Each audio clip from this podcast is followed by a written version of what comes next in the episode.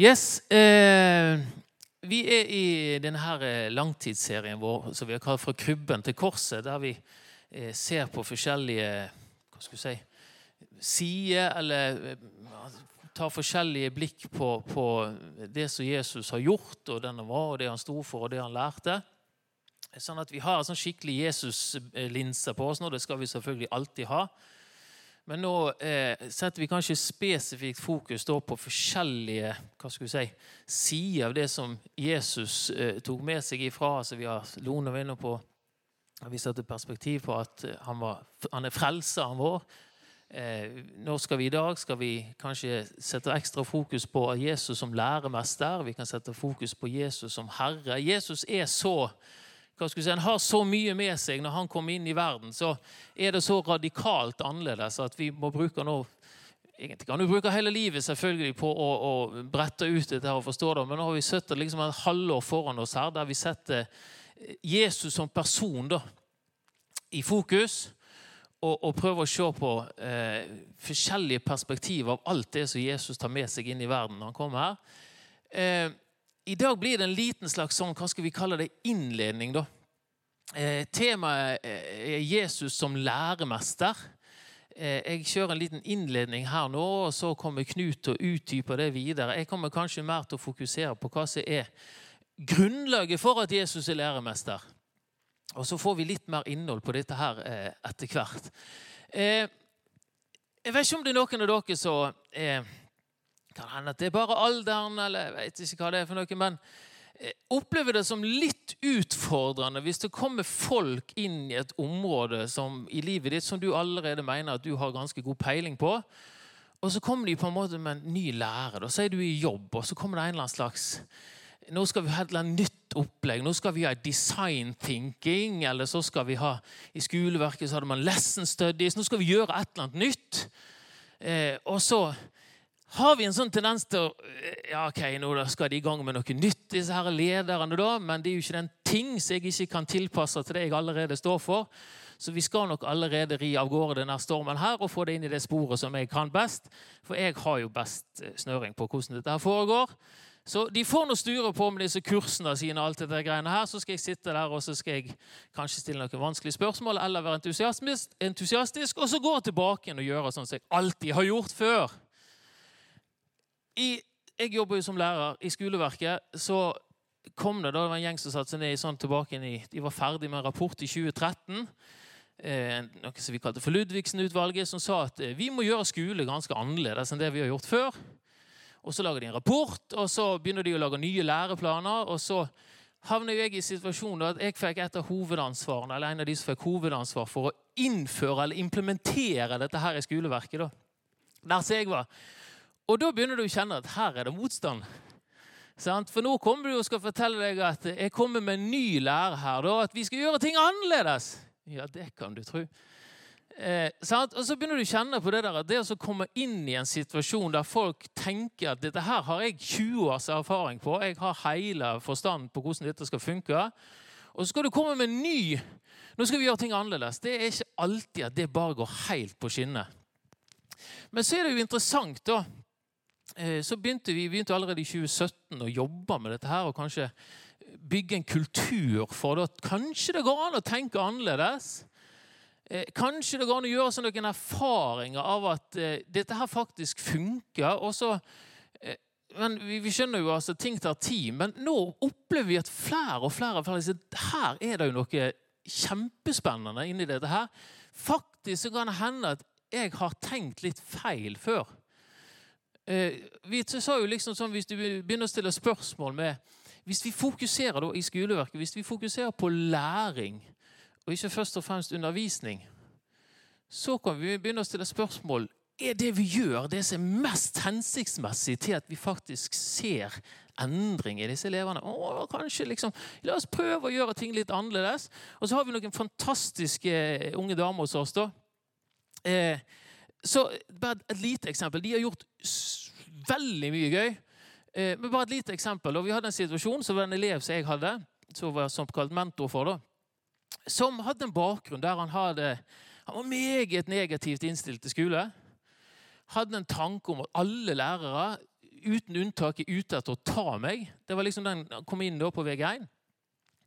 Og så var det jo selvfølgelig havna ganske tidlig på året der at han og noen kompiser de var da juksa så det sang på en matteprøve. Det var ikke bare litt heller. sant? Det var full plagiat og hele greiene, og kopiert og delt med hverandre. hele greiene. Og da har vi en sånn eh, egentlig policy da, at hvis du da driver med det som vi kaller for plagiat. Ikke at du har på en måte gjort et eller annet dårlig eller prøvd å bruke et eller annet hjelpemiddel, men du bare tar det som noen andre har gjort, og sier at dette er ditt eget. Så har vi egentlig en regel som sier at det skal medføre da direkte nedsatt eh, sånn atferdskarakter. Og så tenkte jeg, da, da hadde jeg brukt noen timer på å prate med denne karen her. Og så tenkte jeg litt sånn at det vil jo ikke hjelpe han noe som helst. Jeg tenkte, hvis det, hvis det, er det, så får han bare ja, akkurat dere er samme ulle som alle andre. Og så stengte liksom denne der døren ned. Og så snakket jeg og mattelæreren sammen og bare sånn Ja vi er klar over dette, her, men vi går og snakker med, med, rektor, og så hører vi Kan vi få lov til å gjøre noe unntak fra reglene her til å endre litt på tankegangen for å få et å gi han enda en anmerkning i tillegg til de 100 000 anmerkningene han hadde med seg fra før fra sin gamle tilværelse, vil jo ikke gjøre noe forskjell. Men kan vi møte han sånn at han får en opplevelse av at det er noen som kommer inn med noe annet? Ja, ok. Så ble vi enige om at hun gikk til de, og så sa at her er plagiaten. hele greia Dere er avslørt så det synger etter. Og de sa ok, grei sånn. Og så sier hun egentlig skulle dere satt ned i, i uh, karakter, men i, altså, i atferdsorden og oppførsel og alt dette her. Men så sier hun men jeg har en del fritimer på torsdag. Hvis dere kommer og setter dere ned med meg, og jeg kan jobbe meg igjennom med dette her inntil dere skjønner det, så skal jeg ikke sette dere ned. Og de sa hva i verden var dette her for noe? Dette var ikke de forberedt på helt. Så tar hun av si fritid, setter seg ned med disse guttene og jobber seg igjennom. Og de fikk sin første aha-opplevelse at du vil jo at vi skal lykkes. Og så endra det seg, og så gikk det liksom et, eh, På slutten av da, VG1 så kom han der karen til meg, så hadde vi en såkalt mentorsamtale. Da. Så sa han til meg du, jeg har skjønt en ting. Jeg er min egen største fiende. Så sånn, det er jeg som må gjøre et eller annet. Jeg må skjerpe meg. Jeg holder på med denne lathetsidentiteten som jeg har tatt på meg. Det funker ikke. Så i møte med en annen type holdning så endrer det liksom framtida til denne her leven. da. Sånn at Vi kunne jo kjørt det liksom den der, hva skal vi si, tradisjonelle oppfatningen av hvordan det skulle være, men så tenkte vi at ja, her har vi muligheter til å gjøre ting annerledes. Og Det som jeg har lyst til å peke på her, det med Jesus da, Jeg har tatt en liten sånn underoverskrift her, som dere kanskje noen drar kjensel på, er fra Bergpreken.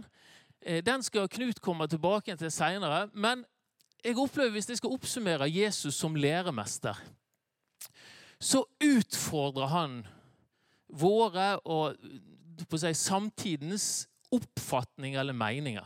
Og det kan være litt sånn, Vi, vi har jo liksom kjenner på at det er litt sånn utfordrer oss. Vi har jo liksom en tanke om hvordan dette skal være. Men Jesus han kom inn og så sier han at ja, men dere har hørt det sagt. altså Dere har en tanke, dere har liksom en opplæring. Men jeg sier dere noe annet. Og det har jeg lyst til å, å ta litt tak i her. Eh, for det, når Jesus kommer inn i, i eh, soga her eh, i, i, eh, som lærer, da, vi holder fokus på det, så oppfører han seg på en måte, og han gjør ting på en måte som at ganske raskt så begynner folk å tiltale han som rabbi.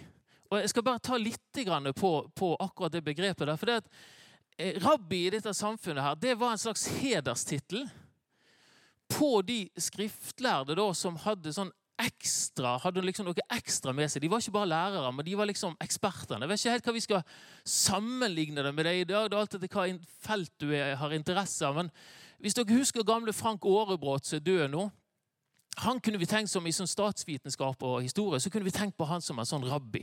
Det var sånn så Folk kom og løpende. Det som han sier, det må, der har vi liksom, Han har virkelig skjønt det. Han er sånn som kunne fylle Grieghallen for å snakke om Luther. Altså, eh, det, det liksom, Folk kom løpende til Frank Aarebrot, for han hadde veldig peiling.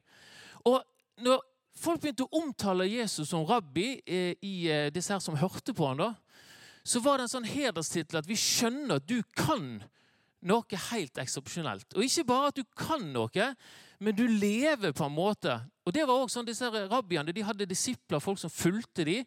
Så ikke bare skulle de bli undervist av dem, men de òg uh, så hvordan de oppførte seg. At, at, det som de lærte, ble liv.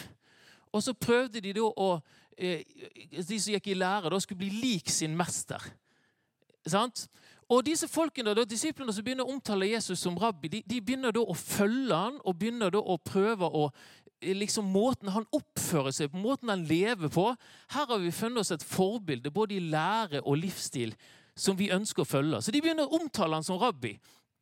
Eh, utfordringen da eh, i samfunnet her, det er at Jesus var jo ikke en rabbi tradisjonelt sett. Han var ikke opplært på rabbinerskolen og hadde liksom autorisering fra disse religiøse partiene til å innta denne her posisjonen. Og det skaper jo konflikt. Og det skal vi ta litt og, og, eh, ta tak i her. Eh, for det, når han havner i disse konfliktene sine, så får, kommer vi til grunnlaget på hva er grunnlaget for Jesus sin læremesterposisjon. Men her er fra Johannes 7 så har Jesus vært og undervist. Det står det var alt midt på høytiden da Jesus gikk opp på tempelplassen og begynte å undervise. Og jødene undra seg og sa, hvordan kan han ha en slik kunnskap, han som ikke har fått noen opplæring? Det er det første de begynner. Her er det et eller annet som skurrer for oss. Her kommer det altså en person med en enorm kunnskap, en enorm forståelse, og begynner å legge ut ting. Men han er jo ikke en av disse her rabbinerne. Han kommer ikke fra en eller annen anerkjent rabbinerskole. Han er ikke en av disse her. Og da begynner folk å spørre hva er dette her for noe? Altså, Han var ikke en som, som, som, som en av disse høytstående eh, rabbinerne. Og Jesus han svarer sjøl på dette spørsmålet med Min lære er ikke min, men kommer fra Han som har sendt meg. Den som vil gjøre Hans vilje, skal skjønne om læren er av Gud, eller om jeg taler ut fra meg sjøl. Den som taler ut fra seg sjøl, søker sin egen ære. Men den som søker ære for den som har sendt han, taler sant. Og direkte for fariseerne og de skriftlærde, litt mer indirekte for de som var rundt og ikke skjønte tegningen, så fyrer han av gårde en ganske kvass pil her i retning til de skriftlærde. Okay, hvem var de skriftlærde i samfunnet? her? Ja, Det var disse høytstående rabbinergjengen som hadde skolene, og disse her som var opplært i lovskriftene. Eh, de var de som skulle kunne og vite og utlegge hva som var Guds vilje. Jesus kom med en ganske ramsalt kritikk av de. I Markus 12 der sier han, står en stor folkemengde som står og lytter til han, så sier han at pass dere for de skriftlærde. De vil gjerne gå omkring i lange kapper, altså statuskapper. De vil motta ærbødige hilsener på torget. De vil sitte fremst i synagogene og hedersplassen i selskapene. De spiser enkene ut av huset og holder lange bønner for syns skyld. Så sier han, men de skal få desto hardere dom. I teksten her, så, den her kommer i, sier han i Markus, men i Johannes her, så skyter han en pil ut her som gjør at han havner jo i kjempekonflikt med disse her skriftlærde. For han sier at de er opptatt av sin egen posisjon. Og her begynner Vi skjønner at dette kommer til å koke over. da. Men utfordringen er jo da at Jesus kommer inn i dette samfunnet her der du har en tradisjon av disse skriftlærde De sitter og da diskuterer for eksempel, forskjellige tolkninger, forskjellige tilnærminger til loven. Hvordan skal vi forstå dette her? Hvordan, så får man forskjellige sånne skoler av hvordan man skal forstå dette. Forskjellige religiøse parti. Og de kan ha disse debattene sine på torget, og de ønsker å ha disse posisjonene. Og så kommer da Jesus inn og sier at ja, men det er helt uinteressant å egentlig diskutere disse forskjellige lovskolene. og greiene, For nå skal du høre hvordan det egentlig er. Og vi skjønner at hvis, der, der kjenner vi, hvis du kjenner litt sånn innerst langt inni der Hvis det hadde kommet en eller annen inn i din tilværelse og sagt at ja, ja, det er fint, fint, eh, alt er de tankene du har, men nå skal jeg fortelle deg hvordan dette her egentlig henger sammen, så får du litt sånn mm -hmm, Ja, akkurat, ja. Og det kjenner disse her rabbinerne på. Men vi vet Sånn Lone var innom og, og snakket om, om, Jesus som frelser. Og Det står jo eh, i, i starten sant, Johannes så står det at Moses kom med loven.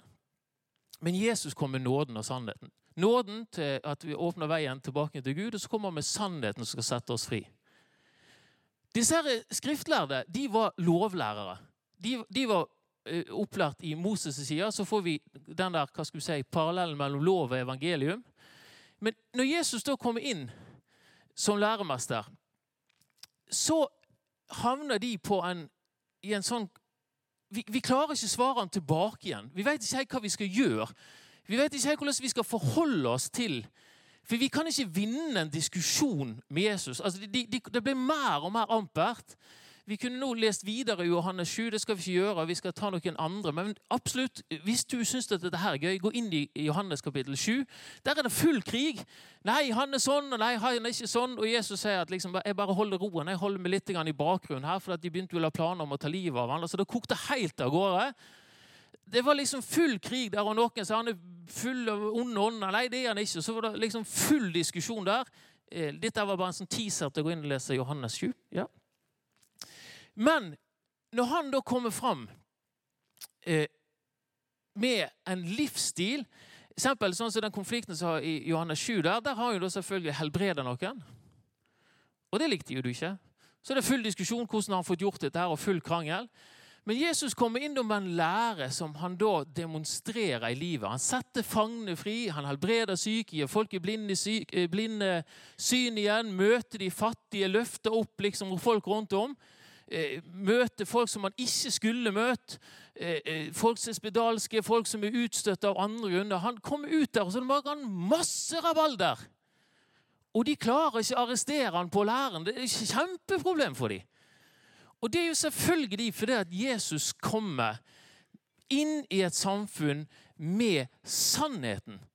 Og det er kjempeproblem når det kommer med noen som faktisk har hva skal vi si, hele forståelsen av hvordan tilværelsen fungerer. For da blir våre meninger meningsløse hvis ikke de stemmer overens med han. Og Det er denne konflikten som koker opp her. og de, de, klarer liksom ikke, Men vi har jo behov for posisjonen vår. liksom der greiene, Og så går man og river ned hele grunnlaget for den autoriteten de har. Så det er jo ikke løye det blir bråk. da. Sant? Og da sier, eh, For å gi oss da, og komme oss videre til, til Markus, der vi skal inn, I Johannes 7 så sier Jesus det, for Han har diskutert litt med brødrene sine når de skal opp til den løvehyttefesten. Eh, så sier han til dem at eh, de begynner å diskutere liksom, kanskje han bare viser seg fram da, og gjør disse tegnene sine, så folk kan skjønne. og Han skjønner jo at dette gjør de bare for liksom sånn, ja, vis deg, egentlig for det står at De hadde ikke tro på han, de heller. Men så sier Jesus til dem at ja, verden kan ikke hate dere. Men han hater meg fordi jeg vitner om at verdens gjerninger er onde. Så han sier Det er problemet når han kommer og tar tak i alle disse tingene her. Så framstår de andre som onde. De framstår som folk som vil ha sin egen, male sin egen kake av. Liksom vil havne i sin egen ære. Og så arresterer han de så kraftig og det blir årsaken sant? dypest sett at de vil ha han opp på korset. for Han lager jo bare så mye problem for dem.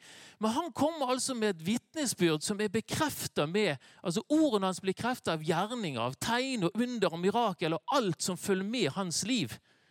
Som rabbi da, så lever han et helhetlig liv som de har kjempeproblemer med å ta tak i. Fordi han representerer sannheten. Og da, Når han da eh, for vår del når vi skal ta dette her videre til videre, Nå skal vi gå inn og se på noen eksempel i Markusevangeliet. Men når Jesus da definerer hva som er sant, så blir vår hva skal si, målestokk på våre meninger er i hvilken grad de stemmer overens med hans. Og Når vi da ser på i Markus her, skal vi lese en historie som gir to konkrete eksempler på hvordan vi sjøl, hvis vi overfører det, kan la oss utfordre av Jesus. Og så står det her først. Så kom de til Kapernaum, og det ble sabbat. og Han gikk inn i synagogen og underviste. Og alle var slått av undring over hans lære. For han lærte med myndighet og ikke som de skriftlærde. Så Han skiller seg ut fra disse skriftlærde, for han kommer med en helt annen pondus. Og når de var i synagogen, så var det en mann med en uren hånd. Han satte i og ropte. Hva vil du Nei, unnskyld. Uren hånd. Nå hører du. Uren ånd. Han satt i og ropte, Hva vil du oss, Jesus fra Nasaret? Er du kommet for å ødelegge oss? 'Jeg vet hvem du er, Guds hellige'. Men Jesus trua ånden og sa, 'Ti stille og far ut av han.' Og den urene ånden rev og slet i mannen, skrek høyt og for ut av han, og alle ble forferda. De snakka i munnen på hverandre og sa, 'Hva er dette?' En ny lære og med myndighet. Han befaler til og med de ureine åndene og de adlyder han. Og ryktet om han kom straks ut over hele Galilea-området. De opplevde dette som radikalt annerledes enn de som var satt til å forvalte Guds vilje og Guds mening. Her kommer det noen som sier at 'jeg representerer Gud', og det er radikalt annerledes enn det vi er vant til. Hva er dette her for noe? Er det en ny lære? Det kom noen sadukeere til han, de som hevder at det ikke er noen oppstandelse. De la fram for han et spørsmål. 'Mester', sa de, 'Moses har gitt oss denne forskriften.' Om en mann har en bror som dør og etterlater seg en kone med ingen barn, da skal han gifte seg med enken for å holde brorens ett oppe. Nå var de sju brødre. Den eldste tok seg kone, men døde uten å etterlate seg barn. Den nest eldste giftet seg da med henne, men også han døde barnløs. Og på samme vis gikk det med den tredje. Ingen av de sju etterlot seg barn. Sist av dem alle døde kvinnen. Men i oppstandelsen, når de står opp, hvem skal da ha henne som kone? Alle sju har jo vært gift med henne. Så kommer det sånn da, Nå skal vi lage litt krøll her. Sadukeerne var et religiøst parti, et sånn egentlig elitistisk parti eh, av de høyere adelige slekter osv. Så sånn. Igjen eh, opplært i Skriften av presteskap og alt sånt. Det var liksom krangel gjennom historien om de skulle ha ypperstepresten eller ikke. Men de var liksom sånn der for de som er interessert i sånne ting, investiturstrid og alt sånt som vi fikk senere, så er det samme ull hele gjengen. De krangler om posisjon innenfor religiøse landskapet. da. Det er helt uinteressant for Jesus. De kommer og prøver å sette ham på plass her. Nå skjer det noe veldig interessant. Jesus svarte de, 'Dere fare vil'. Og skjer det ikke fordi dere verken kjenner Skriftene eller Guds makt? Dere, her, dere er ute og kjører fordi at dere ikke kjenner til de helt grunnleggende tingene her. Og så bruker han det veldig gøy.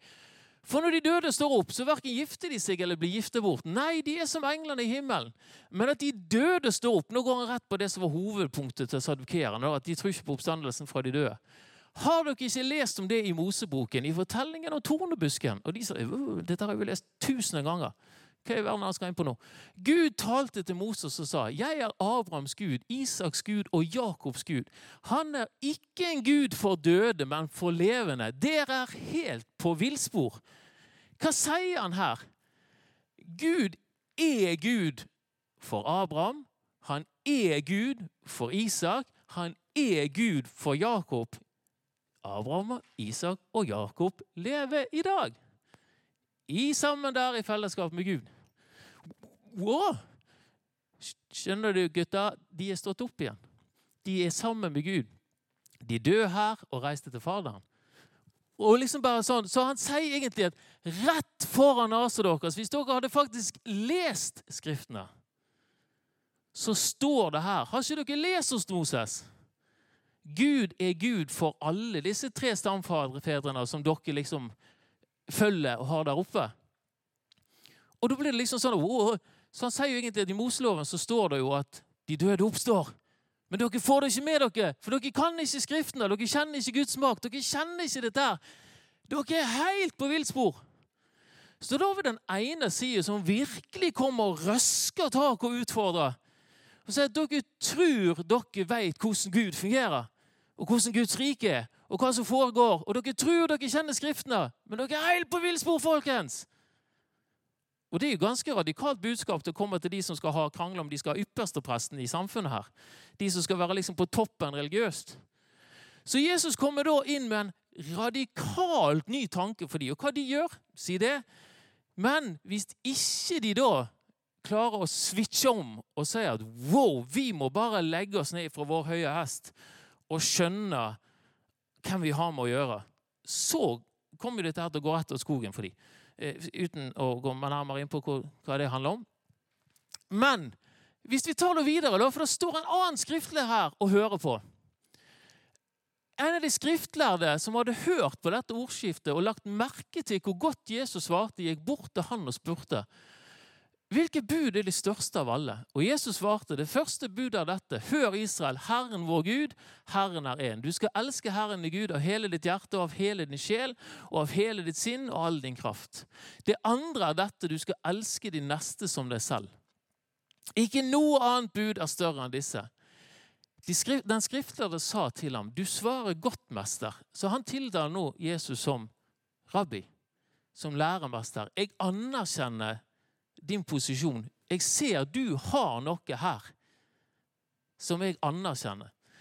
Du svarer godt, mester. Det er sant som du sier. Herren er én, og det er ikke noe annet enn Han.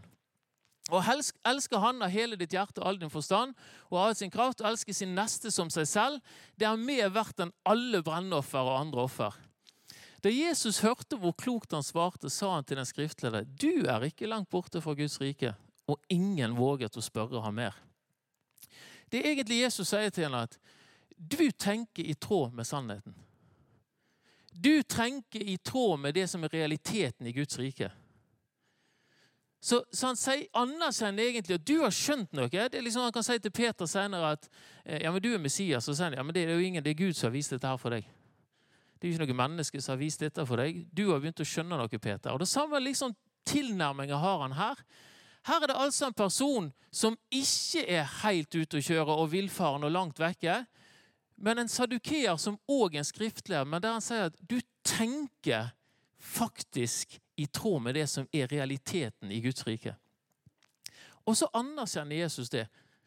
Sånn at de to personene her, han er eh, sadukeeren og han er skriftlærde her, kan være eksempel på to forskjellige tilnærminger til hvordan møter vi Jesus sin undervisning, Jesus sin lære, Jesu ord i vår hverdag. Har vi en tanke om at Eh, ja, la, la, la, meg ta det som som eksempel, men la meg prøve å forklare det sånn at Ofte så føler jeg at vi har behov for å på en måte lande i en eller annen slags mening. Jeg mener sånn. Eh, jeg, jeg, er enig med det, eller min opplevelse av en situasjon er sånn. Altså Vi kan ta det helt sånn enkle greier. Eh, eh, type, Jeg diskuterte med noen elever på skolen. De sier ja, de gikk med sånn Trump for president-caps og alt mulig sånne greier de hadde en superklar mening om at Trump er det beste som kan skje for USA og verden. Og hadde landa i en ganske klar mening om det.